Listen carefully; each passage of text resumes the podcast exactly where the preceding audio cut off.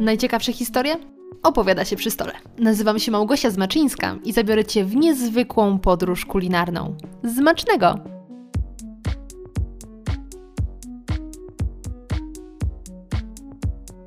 Dzień dobry, dzień dobry moi drodzy, witam Was bardzo serdecznie w specjalnym odcinku, który powstał z okazji Tłustego Czwartku. Jest już to, muszę powiedzieć, trzeci rok z rzędu, kiedy tak pięknie się składa, że Tłusty Czwartek wypada w czwartek, czyli dokładnie w tym samym dniu, co jest publikowany y, podcast Zmacznego i co roku wykorzystuję tę okazję do nagrania takiego tematycznego odcinka. W 2019 roku wybrałam się do y, pracowni cukierniczej Zagoździńscy, w której której to e, powstają podobno najlepsze pączki w Warszawie. Tak dobre, że ich fanem był sam Piłsudski. I właśnie wybrałam się do tej pączkarni, znanej po prostu lepiej jako pączki z Górczewskiej, aby dowiedzieć się, jaki jest sekret doskonałych, perfekcyjnych pączków. W ubiegłym roku spotkałam się z kolei z Hanką Warszawianką, przewodniczką po Warszawie, aby usłyszeć historie ukryte za najpopularniejszymi warszawskimi słodyczami, ale wiele z nich dostaniecie również w całej Polsce, więc nie jest to odcinek wyłącznie dla warszawiaków, którzy chcą lepiej poznać swoje dziedzictwo. I tak na przykład w odcinku tym możecie usłyszeć historię Napoleonki, Zygmuntówki czy też wuzetki. Kiedy w tym roku zauważyłam, że tłusty czwartek zbliża się wielkimi krokami, to zaczęłam się zastanawiać, co właściwie powinnam nagrać w tym roku. No bo wydaje mi się, że temat pączków załatwiłam już na samym początku, czyli w 2019 i na dobrą sprawę, ile można mówić o pączkach? W końcu lepiej niż o nich mówić jest po prostu je jeść. Więc stwierdziłam, że jeden odcinek y, poświęcony pączkom wystarczy. Z drugiej strony mogłabym nagrać odcinek o faworkach, ale uwaga, teraz narażę się, myślę, całkiem y, sporemu gronu osób, ale nie jestem fanką faworków i doszłam do wniosku, że moje sumienie e, oraz serce po prostu nie pozwolą mi nagrać specjalnego odcinka y, o ich historii bo już wystarczająco męczyłam się nagrywając odcinek o historii majonezu, która finalnie wydała się niezwykle interesująca, no ale jednak fanką majonezu nie jestem, więc zawsze trochę tej zabawy przy tworzeniu jest mniej. Podzieliłam się więc moimi rozterkami z patronami, z osobami, które wspierają mnie na Patronite które bardzo serdecznie pozdrawiam.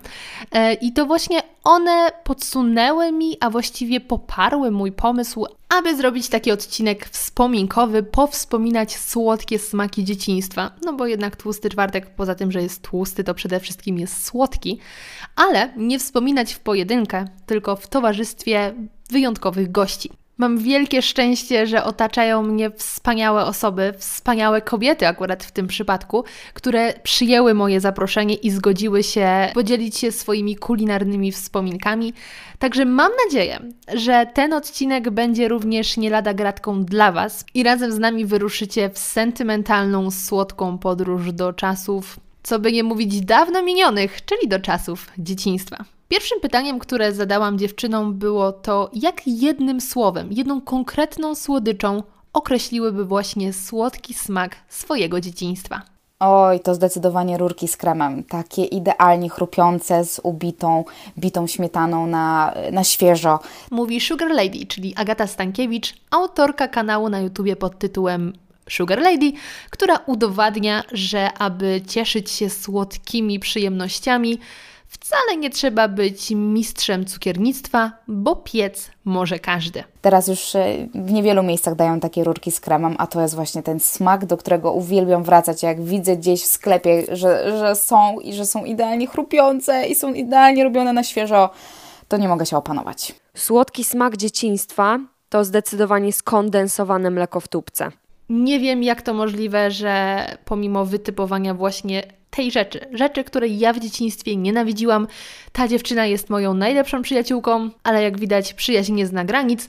Przed Państwem Klaudia Tyszkiewicz, znana w internecie jako Klaudii oraz jedna druga duetu Para Absurdu. Mój słodki smak dzieciństwa to oczywiście szczypki. Z kolei o szczypkach, które wydaje mi się, że ja w dzieciństwie nazywałam słodkimi świeczkami, mówi wciąż anonimowa, ale już coraz mniej Milena Staszuk, autorka podcastu Anonimowa Aktorka. Szczypki to były takie podłużne, zawijane w przezroczyste sreberka cukierki, takie bardzo twarde cukierki, e, zrobione praktycznie chyba tylko z cukru, e, barwione na różne kolory. No i te szczypki e, kupowało się na odpustach. E, jak się jeździło do dziadków, to tam były takie przykościelne odpusty, no i na tych odpustach chłopcy kupowali kapiszony do pistoletów. E, a dziewczyny kupowały różnokolorowe szczypki. E, no i to się po prostu zapychało sobie tym gębę i prawdopodobnie dziadkowie i rodzice mieli wtedy spokój, e, bo dziecko przez trzy dni było cicho, bo po prostu miało buzię pełną tych szczypków. Myślę, że one były super niezdrowe, bo nic tam w nich nie było oprócz tego cukru. Jeszcze były do tego bardzo twarde i się tak gryzło, łamało. Pewnie nie jedno dziecko złamało sobie zęba na tych szczypkach. Mnie to akurat na szczęście ominęło. E, I do dzisiaj, jak widzę gdzieś przejeżdżając przez Polskę odpusty, to się zatrzymuję i pytam się, czy mają szczypki. Jak już wspomniałam wcześniej, kiedy Milena powiedziała o szczypkach, to sama nazwa nic mi nie powiedziała. Kiedy natomiast zaczęła o nich opowiadać, jak one smakowały, że właściwie był to sam cukier yy, i były w takim charakterystycznym kształcie sprzedawane na odpustach, od razu wiedziałam, że mówimy o tym samym, a właściwie myślimy o tym samym, czyli o yy, tych cuksach sprzedawanych no właśnie, ja bardziej je kojarzę z e, okresem wszystkich świętych, bo to wtedy były one dostępne przy cmentarzach, mniej z odpustami przyparafialnymi, ale nie wykluczam, że tam również były. Natomiast informacja, która mnie zaskoczyła, kiedy wpisałam nazwę szczypki w internecie, to że jest to regionalny przysmak z Lubelszczyzny. I jest to dla mnie o tyle zaskakujące, że ja obiadałam się nimi na Dolnym Śląsku. Jakbym miała wybrać jeden smak, który przychodzi mi od razu na myśl, jak tylko rzucisz mi hasło, e, Greszyna, jaki masz słodki smak dzieciństwa, to uważam, że to jest orężada. Tego śmiechu nie da się pomylić z żadnym innym, a już na pewno w całym świecie podcastingu. Przed Państwem Agata Wernic, autorka podcastu How to Żyć. Orężada za 50 groszy jest najzwyklejsza butelkowa orężada i potem można było jeszcze, pamiętam, wymieniać te butelki i dostawało się za nie chyba 20 groszy, więc wow, szaleństwo. I to mi się kojarzy, bo teraz jak sobie myślę, to w ogóle jest trochę takie patologiczne wspomnienie, ale jak miałam 7-8 lat, to sprzedawałam sobie butelki po to, żeby mieć na orężadę i na słodycze. ale też, y, mając właśnie 7-8 lat, kupowałam dziadkowi papierosy w sklepie. I nie było wtedy żadnego problemu. W ogóle lata 90. to jest to był dziki czas, ale mogłoby pójść dziecko do sklepu i normalnie sprzedawali Wam fajki, więc tak oto było i zawsze z tych fajek zostawało mi jakieś 50 groszy, więc wtedy, uwaga, uwaga, robiłam dziki handel i kupowałam sobie orężadę.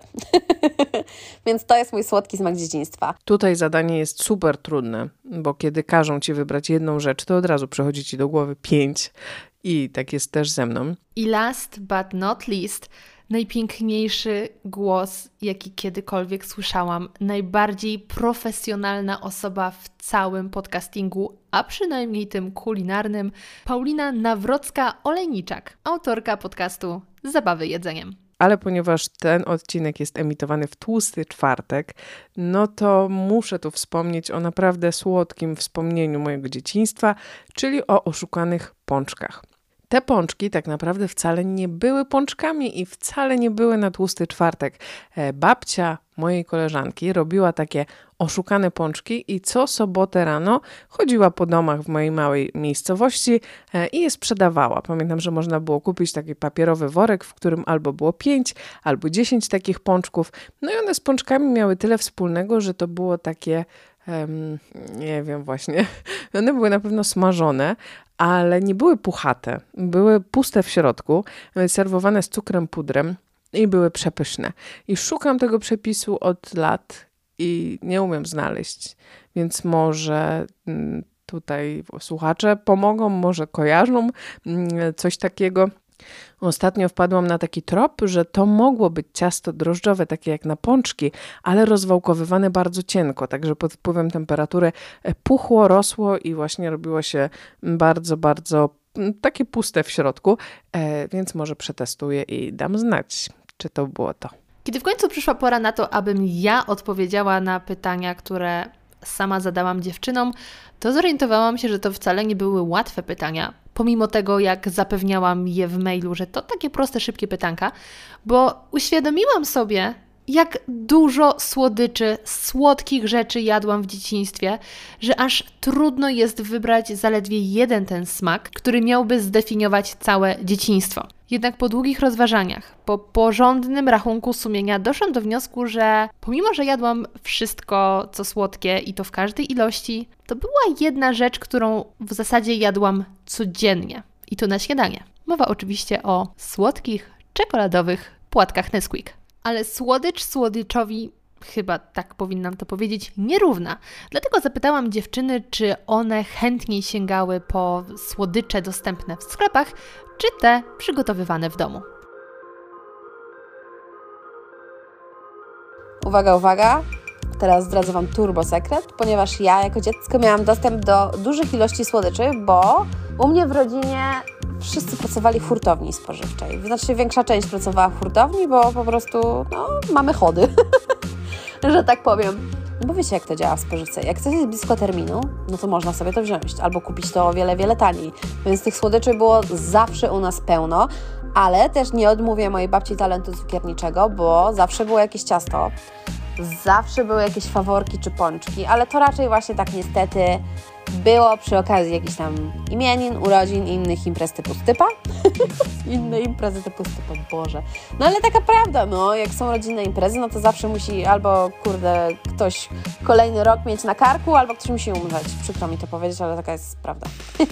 Słodycze zależy. Jeżeli ciasta, to oczywiście tylko domowej roboty. Jeżeli przekąski, to muszą być pełne chemii, inaczej nie smakują, więc kupowane. Ja od zawsze wolałam słodycze domowej roboty i to też jest jeden z powodów, dla których ja zaczęłam piec, ponieważ e, wyroby z cukierni, mm, jak byłam mała, mm, po prostu mi nie podchodziły i nie smakowały i to też zmobilizowało mnie do tego, żeby zacząć kombinować samemu. Cześć kochani, dzisiaj poopowiadam Wam trochę o mojej przygodzie w programie telewizyjnym Bake Off Ale Ciacho. Moje dzieciństwo przypadało na lata 90.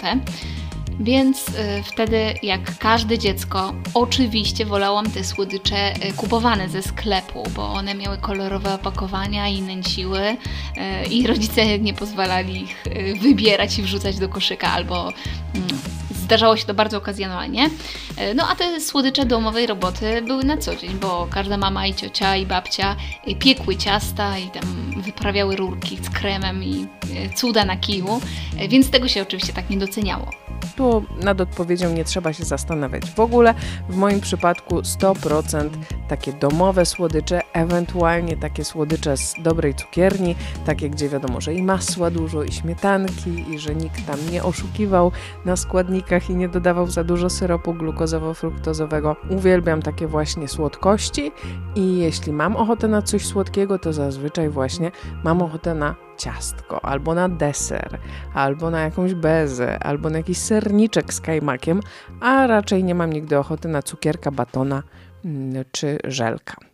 Jak sami mogliście usłyszeć, zdecydowanie przeważyły domowe wypieki, dlatego zapytałam dziewczyny o ich ulubieńców. Jeśli chodzi o moją mamę, no to uwielbiam jej orzechowca, czyli takie miodowe ciasto przekładane kremem budyniowym z orzechami, też dlatego, że ono mi się zawsze kojarzy z jakimiś atrakcjami, ze świętami, z okazjami, bo ona zwykle na jakieś okazje je piecze. Ja sama ze słodyczy, które robię, chyba najbardziej lubię Pawlową, mm, bez udziwnień e, specjalnie, po prostu beza e, dużo mm, niesłodkiego kremu, mm, czyli właściwie z samej śmietany z mascarpone, no i do tego oczywiście soczyste owoce, to jest super połączenie i to jest też ten wyjątek, gdzie lubię owoce w słodkościach, bo zazwyczaj najbardziej mnie kręcą czekolada, orzechy, karmel i tego typu smaki. Najlepszym słodyczem domowej roboty był królewicz. Ja zdejmuję panterkę i czekam, aż mnie zwiąże ten mój książę. Killer! Gdzie ty jesteś do cholery? Mm, To był taki tort. E, Chyba ogólnopolska nazwa na królewicza e, to jest miodownik, bo spotkałam się w cukierni e, z ciastem, który smakował podobnie jak królewicz, nazywał się miodownik. O Boże, to jest, to jest obłęd, to jest niebo w gębie. Bardzo pracochłonne ciasto. Robi się takie placki miodowe, które się piecze w piekarniku. E, Potrzeba ich spięć i te placki przekłada się biszkoptem i naprzemiennie jeszcze masą budyniową to jest po prostu sztos. E, a drugim the best bo ja mam dwa the best offy domowej roboty z dzieciństwa, są rurki z kremem. E, ja pamiętam do dzisiaj, jak mama miała takie blaszane mm, rurki, które zawijała na te blaszane rurki ciasto i one robiły taką rurkę ciastową i wtedy w te ciastowe rurki wpychało się taką masę i mm, końcem od łyżki się wpychało tą masę. Ona była przeraźliwie gorąca, można się było poparzyć, co na pewno nie raz, nie dwa w dzieciństwie mi się przytrafiło, ale to i tak nie, nie, nie zaciera tego boskiego wspomnienia, które mam w głowie, jak y, przypominam sobie o rurkach. Best of domowej roboty zgodnie z tłustym czwartkiem ponczusie. Te domowe zawsze smakują lepiej i mają więcej nadzienia. Ten pączek jest naprawdę przepyszny, ale mój brzuch odmawia posłuszeństwa. Aaaa, mój brzuch. Fragment, który przed chwilą usłyszeliście, pochodzi z chyba pierwszego filmu, który Klaudia ze swoim chłopakiem Mateuszem wrzucili na kanał Para Absurdu, w którym to właśnie postanowili zjeść tak dużo pączków, że w pewnym momencie nie byli w stanie już dokończyć wszystkich zakupionych, ale skoro rzucili sobie wyzwanie, aby zjeść wszystkie, bo taki był challenge, to ostatnie sztuki postanowili zmiksować i zjeść w formie płynnej. Ulubionym takim moim wypiekiem domowym była babka drożdżowa mojego taty. On zawsze wyrabiał ją ręcznie, czego ja nie byłam w stanie pojąć, jak to ręcznie ciasto drożdżowe, które klei się do łapy, jak to w ogóle wyrobić. Wtedy jeszcze lubiłam ciasto drożdżowe z rodzynkami, z bakaliami. Teraz jestem zwolenniczką takiego zwykłego ciasta drożdżowego bez dodatków, ale było pysznie. Zdecydowanie ciasto drożdżowe mojej babci. Uwielbiam. U nas w domu też była taka tradycja, że no wiadomo, dzieciaki najbardziej lubią te chrupki z ciasta drożdżowego, czyli no, utarty cukier z masłem, więc no uwaga, kolejna cukrzyca miażdżyca plus, dlatego brzuszków nikt nie może teraz zgubić. Ale właśnie nasza babcia też potrafiła nam zrobić taką jedną wielką kulę takiego chrupka. I pamiętam, że moja siostra była od tych chrupków z ciasta drożdżowego tak uzależniona, że potrafiła dobrać się do blachy i wyskubywać po prostu te kulki cukru. Więc moja babcia w końcu się któregoś pięknego dnia zdenerwowała ładnie to nazwijmy, i zrobiła jej taką wielką kulę cukru. I wyobraźcie sobie, że ona to trzy dni jadła, ale zjadła. Chociaż moja babcia nie robiła tak wypasionych kul z kruszonki, to muszę powiedzieć, że miałam też ogromne szczęście, że moja prababcia była zapaloną cukierniczką. Tak mogłabym chyba z perspektywy czasu powiedzieć. Chociaż cukierniczka chyba nie jest tak dobrym słowem, lubiła piec. I zawsze, kiedy przyjeżdżaliśmy do niej w gości, to podejmowała nas jakimś ciastem i ciastami, które najbardziej kojarzą mi się i już chyba zawsze będą się kojarzyły z moją prababcią, chociaż już od wielu lat nie mam jej w swoim życiu, to jest to metrowiec, który naprawdę miał przynajmniej metr i był niesamowitym ciastem jako z perspektywy dziecka był dwukolorowy z mm, kremem u góry i do tego jeszcze z posypką, zazwyczaj tą taką, wiecie, sztuczną, sklepową, kolorową, ale to nie ma znaczenia, że to było sztuczne. To było najlepsze ciasto, jakie jadłam za dziecka. I chyba muszę powiedzieć, że to było faktycznie za dziecka, bo dzisiaj wydaje mi się, że nie jadłabym tego już z taką przyjemnością, bo byłoby to dla mnie zbyt mdłe. A jeśli już o mdłych rzeczach mówimy, to drugim wypiekiem mojej babci była szarlotka, ale taka wyjątkowa szarlotka, z którą się nigdy później nie spotkałam, ponieważ u góry zamiast drugiej warstwy ciasta albo właśnie kruszonki miała ona masę z margaryny i kakao. Wydaje mi się, że to była masa z margaryny i kakao, niemniej była bardzo tłusta, taka sino-fioletowa i babcia widelcem robiła na niej taki szlaczek.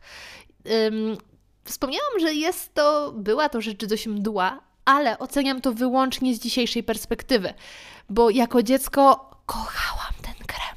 Kochałam. naprawdę jabłka się nie liczyły, liczył się ten krem, a dzisiaj no raczej, raczej bym podziękowała za dokładkę. I to są takie best, y, best offy mojej prababci, ale w tym momencie jestem y, jeszcze winna Wam i mojej mamie wspomnienia o jeszcze jednym wypieku, który naprawdę kojarzy mi się z dzieciństwem i zawsze na samą myśl się uśmiecham. Jest to murzynek mojej mamy. Ciasto czekoladowe, które po prostu rozpływa się w ustach i, i ten zapach rozchodził się po całym mieszkaniu i wtedy byłam gotowa odejść od komputera albo porzucić lalki Barbie, żeby tylko zanurzyć w niego swoje zęby. Ale nie samymi domowymi wypiekami żyje człowiek, jakimi słodkimi zdobyczami ze sklepu cieszyły się w dzieciństwie dziewczyny. Najlepszy kupowany słodycz w dzieciństwie to był baton Comics przez X na końcu. E, firma Wawel go produkowała, zdaje się, że już go nie ma. E, to były po prostu orzeszki w karmelu. Takie orzeszki ziemne, e, polane i sprasowane w karmelu, bardzo słodkie. Ja bardzo długo byłam przekonana, że na tym opakowaniu jest napisane nie orzeszki w karmelu, tylko grzeszki w karmelu. No i oczywiście jeszcze bardziej mnie to jarało, że ja jem te grzeszki w karmelu. I to były moje prawdziwe grzeszki. A drugim grzeszkiem słodyczowym kupowanym z dzieciństwa to była guma Donald. Ale w ogóle nie chodziło o tą gumę, bo ta guma ja już od, od zawsze, od dzieciństwa wiedziałam, że ona jest papierowa i niedobra. Chodziło o te komiksy w środku i kupowało się tę gumę, e, namawiało się rodziców, żeby kupowali się tę gumę, żeby zbierać te komiksy, żeby się nimi wymieniać, żeby mieć największą kolekcję. To było najbardziej jarające. No dobra, trochę głupio się przyznać, ale ja uwielbiałam Prince Polo. A dla mnie? Wiesz, kochanie, przedałabym Ci wszystko, ale nie moje Prince Polo.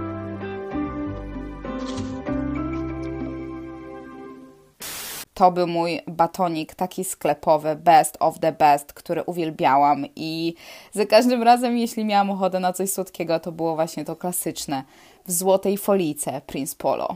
Best sklepowe żelki, tego nie podrobisz. Oto złotych misiów domek, pełen jabłek i poziomek, a to owoc pracy misia, smaczny, słodki, zjedz go dzisiaj. To Haribo najprawdziwsze, złote misie, misie pyszne. Moim, że tak powiem, kolejnym topem słodyczowym i takim mega fajnym wspomnieniem są mrożone czekoladki. I ja nie wiem, jak duża część publiki w ogóle kojarzy, co to są mrożone czekoladki. Jeżeli nie wiecie, to musicie to spróbować, bo to zmieni Wasze postrzeganie czekolady i zmieni Wasz smak, bo to jest najlepsza rzecz na świecie. Mrożone czekoladki były kupowane u nas w domu z, od święta, bo one były kupowane w Niemczech albo ewentualnie na giełdzie, jak już się kiedyś zabraliśmy, bo to nie był towar ogólnodostępny, trzeba było się namachać, żeby je znaleźć. I mrożone czekoladki miały to do siebie, że one były na mleku kokosowym, bo uwaga, uwaga, ja dziecko wiecznie pokrzywdzone, dziecko alergiczne, nie mogłam pić krowiego mleka przez bardzo długi okres czasu, bo byłam zwyczajnie na nie uczulona. Dostawałam kosmicznej wysypki. E, no ale niestety już Wam to podaruję, wszystkie te szczegóły. Ale dostawałam właśnie od dziadka albo od wujka, jak gdzieś jechali na Niemiec, na shopping. No ale dostawałam, z reguły dostawałam te czekoladki od dziadka, kiedy on sobie jeździł na jakieś tam urlopy, zakupy czy, czy z pracy do Niemiec. Więc dostawałam właśnie taki rożek. I one wyglądały tak, że one były pakowane w taki trójkątny rożek, jak z jakiegoś festynu, i w środku było pełno małych czekoladek w takim foliowych, niebieskich, różowych, żółtych opakowaniach. I z nimi jest patent taki, że one się nazywają mrożone czekoladki właśnie dlatego, że trzeba trzymać je w zamrażarce. Inaczej się kompletnie rozpuszczą.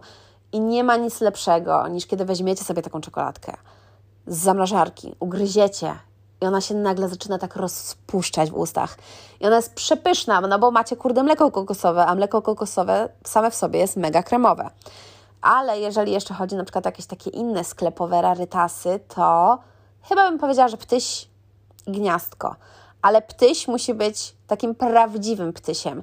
To musi być ciasto parzone, z, z zewnątrz takie chrupkie, w środku takie wilgotne i mięciutkie i musi być krem ptysiowy bo jeżeli mówimy o ptysiach, które mają bite, bitą śmietanę w środku, to to nie są ptysie, to jest zbrodnia i to powinno być nielegalne i uważam, że to jest po prostu nadużywanie tego zdania. Ale mówimy tutaj właśnie o takich ptysiach, a nie tych ptysiach, które mają w sobie bitą śmietanę, bo to nie są ptysie, to jest gówno, nie ptyś. I to powinno być nielegalne.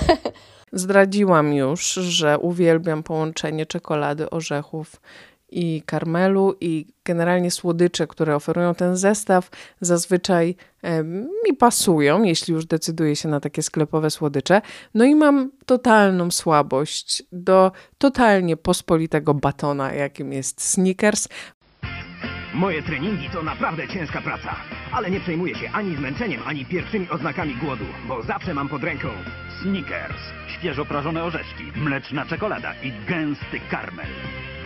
Potem mogę jeszcze długo i intensywnie ćwiczyć. Wypełniony orzeszkami Snickers wygra z Twoim głodem. Może dlatego, że jestem dzieckiem, które właśnie mm, zachłysnęło się kapitalizmem we wczesnych latach 90. i tym ogromem słodyczy, który się pojawił. Pamiętam, jak testowaliśmy, czy Milky Way faktycznie pływa na powierzchni mleka, jak w reklamach. A oglądaliśmy mm, z dzisiejszej perspektywy niekoniecznie politycznie poprawne reklamy Marsa z Indianami. Synu, byłoby dobrze, gdybyś umówił mnie z dziką stokrotką. Mars. I jest dobrze. No i właśnie Snickers, który był dla mnie absolutnym królem mm, z tych podstawowych batonów, bo miał właśnie dużo orzechów i karmelu. No i do tej pory mam tak, że jak już nie mam nic, na co bym miała ochotę, to Snickers jest w stanie jakąś zachciankę na słodkie zaspokoić. Okej, okay. do momentu nagrania tego podcastu łudziłam się, że ja byłam jedną z wielu osób i nie odstawałam wcale na tle y, dzieciaków urodzonych w latach 90., ale dopiero teraz się zorientowałam, że coś poszło nie tak, bo ja właściwie całe moje dzieciństwo spędziłam na jedzeniu słodyczy ze sklepu i jest ich tak dużo, że nawet nie będę ich wymieniała, bo no szkoda na to czasu. Więc gdybym miała wymienić takie top of the top, to na pewno y, byłby to Knoppers. Do dzisiaj kocham Knoppersy a także baton piknik, który niestety zniknął z polskich sklepów. Wiem, że jest dalej dostępny na przykład w Wielkiej Brytanii, ponieważ produkuje go Cadbury i jadłam y, tą współczesną wersją piknika, ale to zupełnie nie jest to samo. Niestety ten baton bardzo utracił na jakości, na swoim charakterze. Kiedyś był to wysoki baton wypełniony y, rodzynkami, orzeszkami ziemnymi i, i chyba preparowaną pszenicą, a w tym momencie jest on po prostu płaski, co bardzo odbija się na smaku. Ale smaki się zmieniają i już niejednokrotnie wybrzmiało to w tym odcinku. Dlatego zapytałam dziewczyny o to, jaki był produkt, za którym szalały w dzieciństwie, a dzisiaj omijają go szerokim łukiem, a także w drugą stronę, za czym nie przepadały, gdy były dziećmi, a dzisiaj jest to dla nich prawdziwy rarytas. Kiedyś bardzo lubiłam, jak moja mama przynosiła do domu z cukierni taką bezę, klasyczną bezę. Ona była chyba robiona wtedy z takim, e, dla mnie teraz już ohydnym, kremem kawowym, takim maślanym. No było to o... Teraz już jest dla mnie to obrzydliwe i aż mam ciarki na całym ciele, jak o tym pomyślę, ale wtedy to był delikates, no po prostu uwielbiałam. Teraz nigdy bym takiej bezy nie wsadziła do ust, po prostu nie znoszę. E, bezę muszę zrobić po swojemu ze świeżymi owocami, z fajnymi, kwaśnymi dodatkami. Także to jest coś takiego, e, co lubiłam jako mała dziewczynka, teraz już niekoniecznie. Kiedyś bardzo nie lubiłam drożdżówek z budyniem i to mogła być jakakolwiek drożdżówka z budyniem, nawet jak pączek był z budyniem, to, to nie byłam w stanie go zjeść.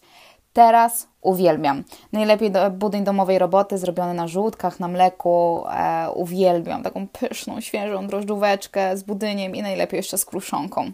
Pyszka.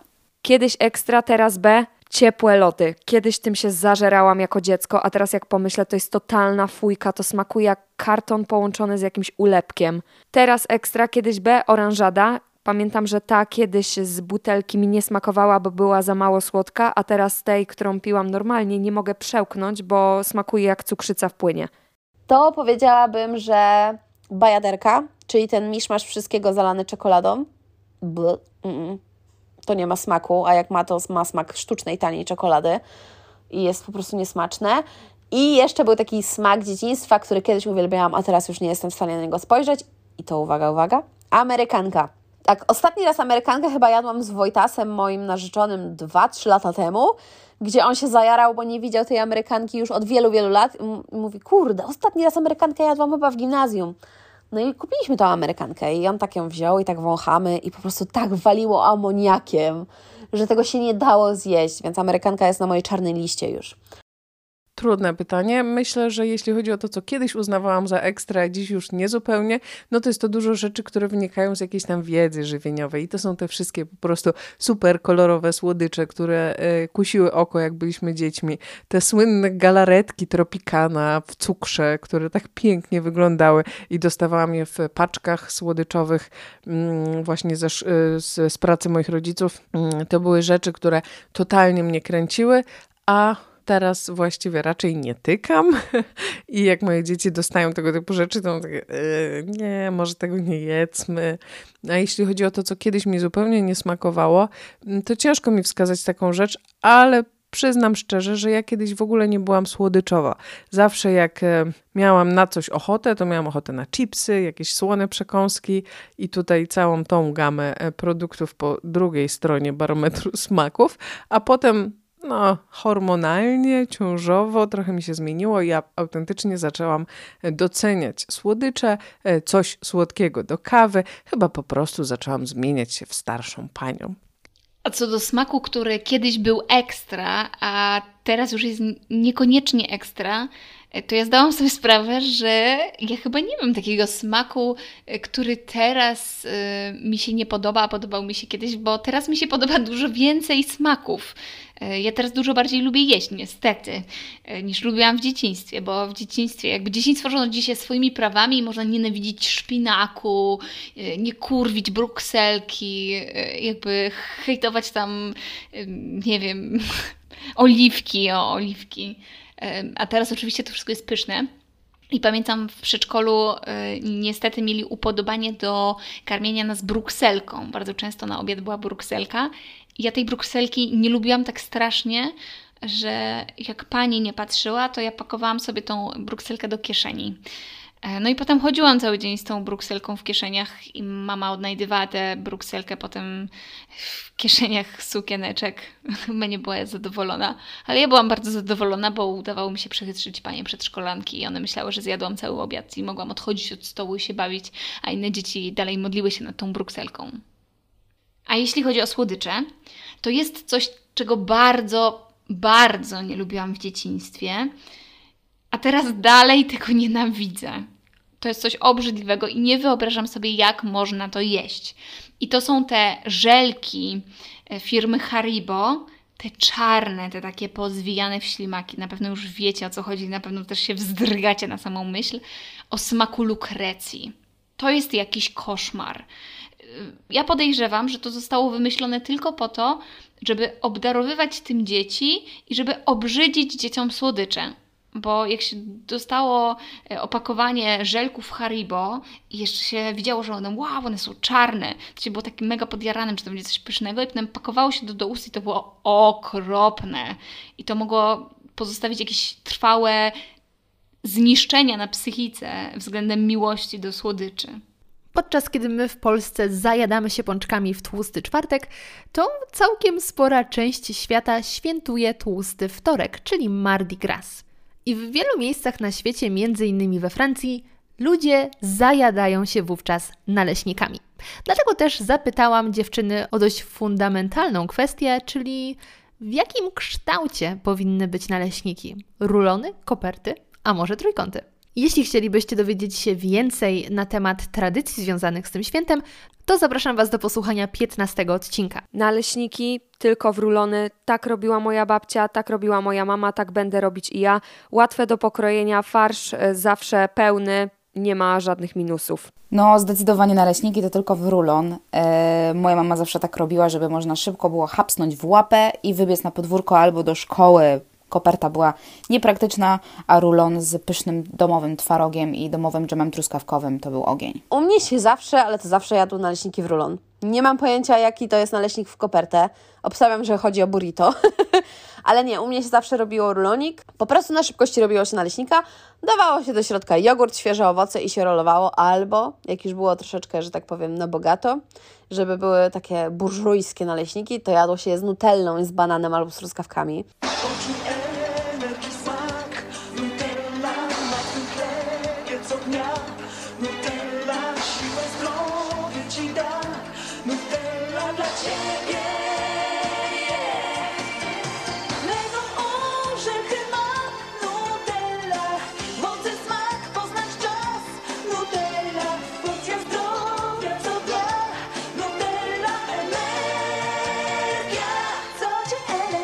O mój Boże. To jest mój smak dzieciństwa. A z trójkątów nie pamiętam, bo trójkąty pamiętam, że widziałam parę razy, ale jakoś nie jestem super fanką, bo dla mnie są za tłuste. Bo z tego co kojarzę, to jak się robi właśnie te naleśniki, składa się je w trójkąty, to potem się je smaży jeszcze dodatkowo na maśle z cukrem, więc dla mnie już była trochę taka cukrzyca miażdżyca plus, jak to ładnie nazywam. Więc nie byłam fanką takich oto trójkątnych naleśników Ale jeszcze jeżeli chodzi o takie placko naleśniki i te smaki, to u mnie akurat w domu naleśniki jadło się bardzo rzadko. Raczej jedliśmy na przykład placki z jabłkami. Nie racuchy, nie naleśniki, tylko coś pomiędzy, gdzie mieliśmy właśnie ciasto naleśnikowe wymieszane z plasterkami jabłka i cukrem i to było smażone, więc u mnie jadło się coś takiego. Naleśniki tylko składane w trójkąty. I mam dobre uzasadnienie do tych trójkątnych e, naleśników, bo moja mama miała taką idealną patelenkę, w której mieściły się te cztery trójkąty, które tworzyły idealny naleśnikowy krąg. Ja jestem e, z tego teamu naleśników białych z serem, e, z cynamonem i z miłością robionych. Mm, no więc one tylko w trójkątach smakowały. W ogóle rulony, koperty, wszystkie inne formy nope. Jeśli pytasz o naleśniki z dzieciństwa, to były to naleśniki w trójkąty, naleśniki robione przez moją mamę e, w takim moim najbardziej ulubionym wydaniu, czyli z serkiem na słodko no, z twarożek zwykle z cukrem pudrem e, i one były podsmażane na maśle, a potem serwowane z takim zimnym musem truskawkowym. Ponieważ moja mama zawsze jak tam mróweczka w sezonie mrozi dużo musu truskawkowego, zamrożonych truskawek i potem na przykład w takim listopadzie albo lutym serwuje właśnie gorące naleśniki e, z tym zimnym musem. Kiedyś ja to absolutnie uwielbiałam, teraz uwielbiają to moje córki. No i jeśli o moje córki chodzi, to one znowu e, wolą naleśniki w i zazwyczaj takie właśnie w domu serwujemy. Lubię jeszcze naleśniki zawijane, ale one są zarezerwowane do y, takich farszów wytrawnych, y, na przykład do krokietów, więc o nich dzisiaj nie będę mówić, bo dziś oddajemy pole słodyczom. Pomysł o pytanie, w jakim kształcie powinny być idealne naleśniki, pojawił mi się podczas niedawnych obchodów święta naleśnika. Zapytałam na moim fanpage'u właśnie o to, w jakim kształcie powinien być naleśnik i zauważyłam, że świat jest bardzo podzielony. I osoby, które już decydowały się na któryś kształt, czy to rulon, czy trójkąty, bardzo mocno przy tym obstawały i mówiły, że to jest jedyna słuszna opcja. I powiem Wam, że jest to całkiem ciekawe. Jestem w ogóle też ciekawa, jakie są Wasze preferencje, bo ja wychowałam się na rulonach. Nawet ostatnio rozmawiałam na ten temat z moją mamą, która powiedziała, że u nich w domu tak się jadło, więc tak samo jadło się też u nas w domu.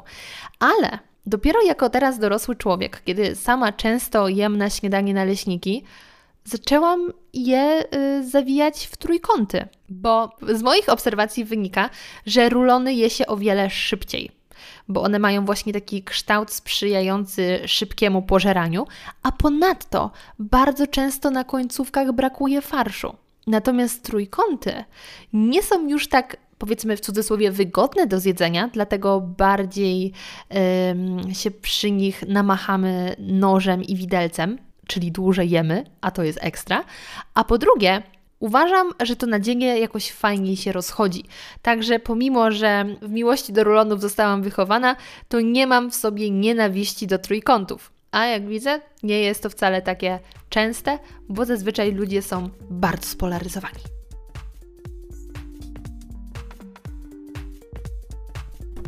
I to wszystko, co przygotowałam dla Was w dzisiejszym odcinku. Mam nadzieję, że podobała się Wam ta słodka, sentymentalna podróż do dzieciństwa. Bardzo dziękuję dziewczynom za to, że przyjęły moje zaproszenie i podzieliły się swoimi wspomnieniami, bo bez nich to nie byłoby to samo.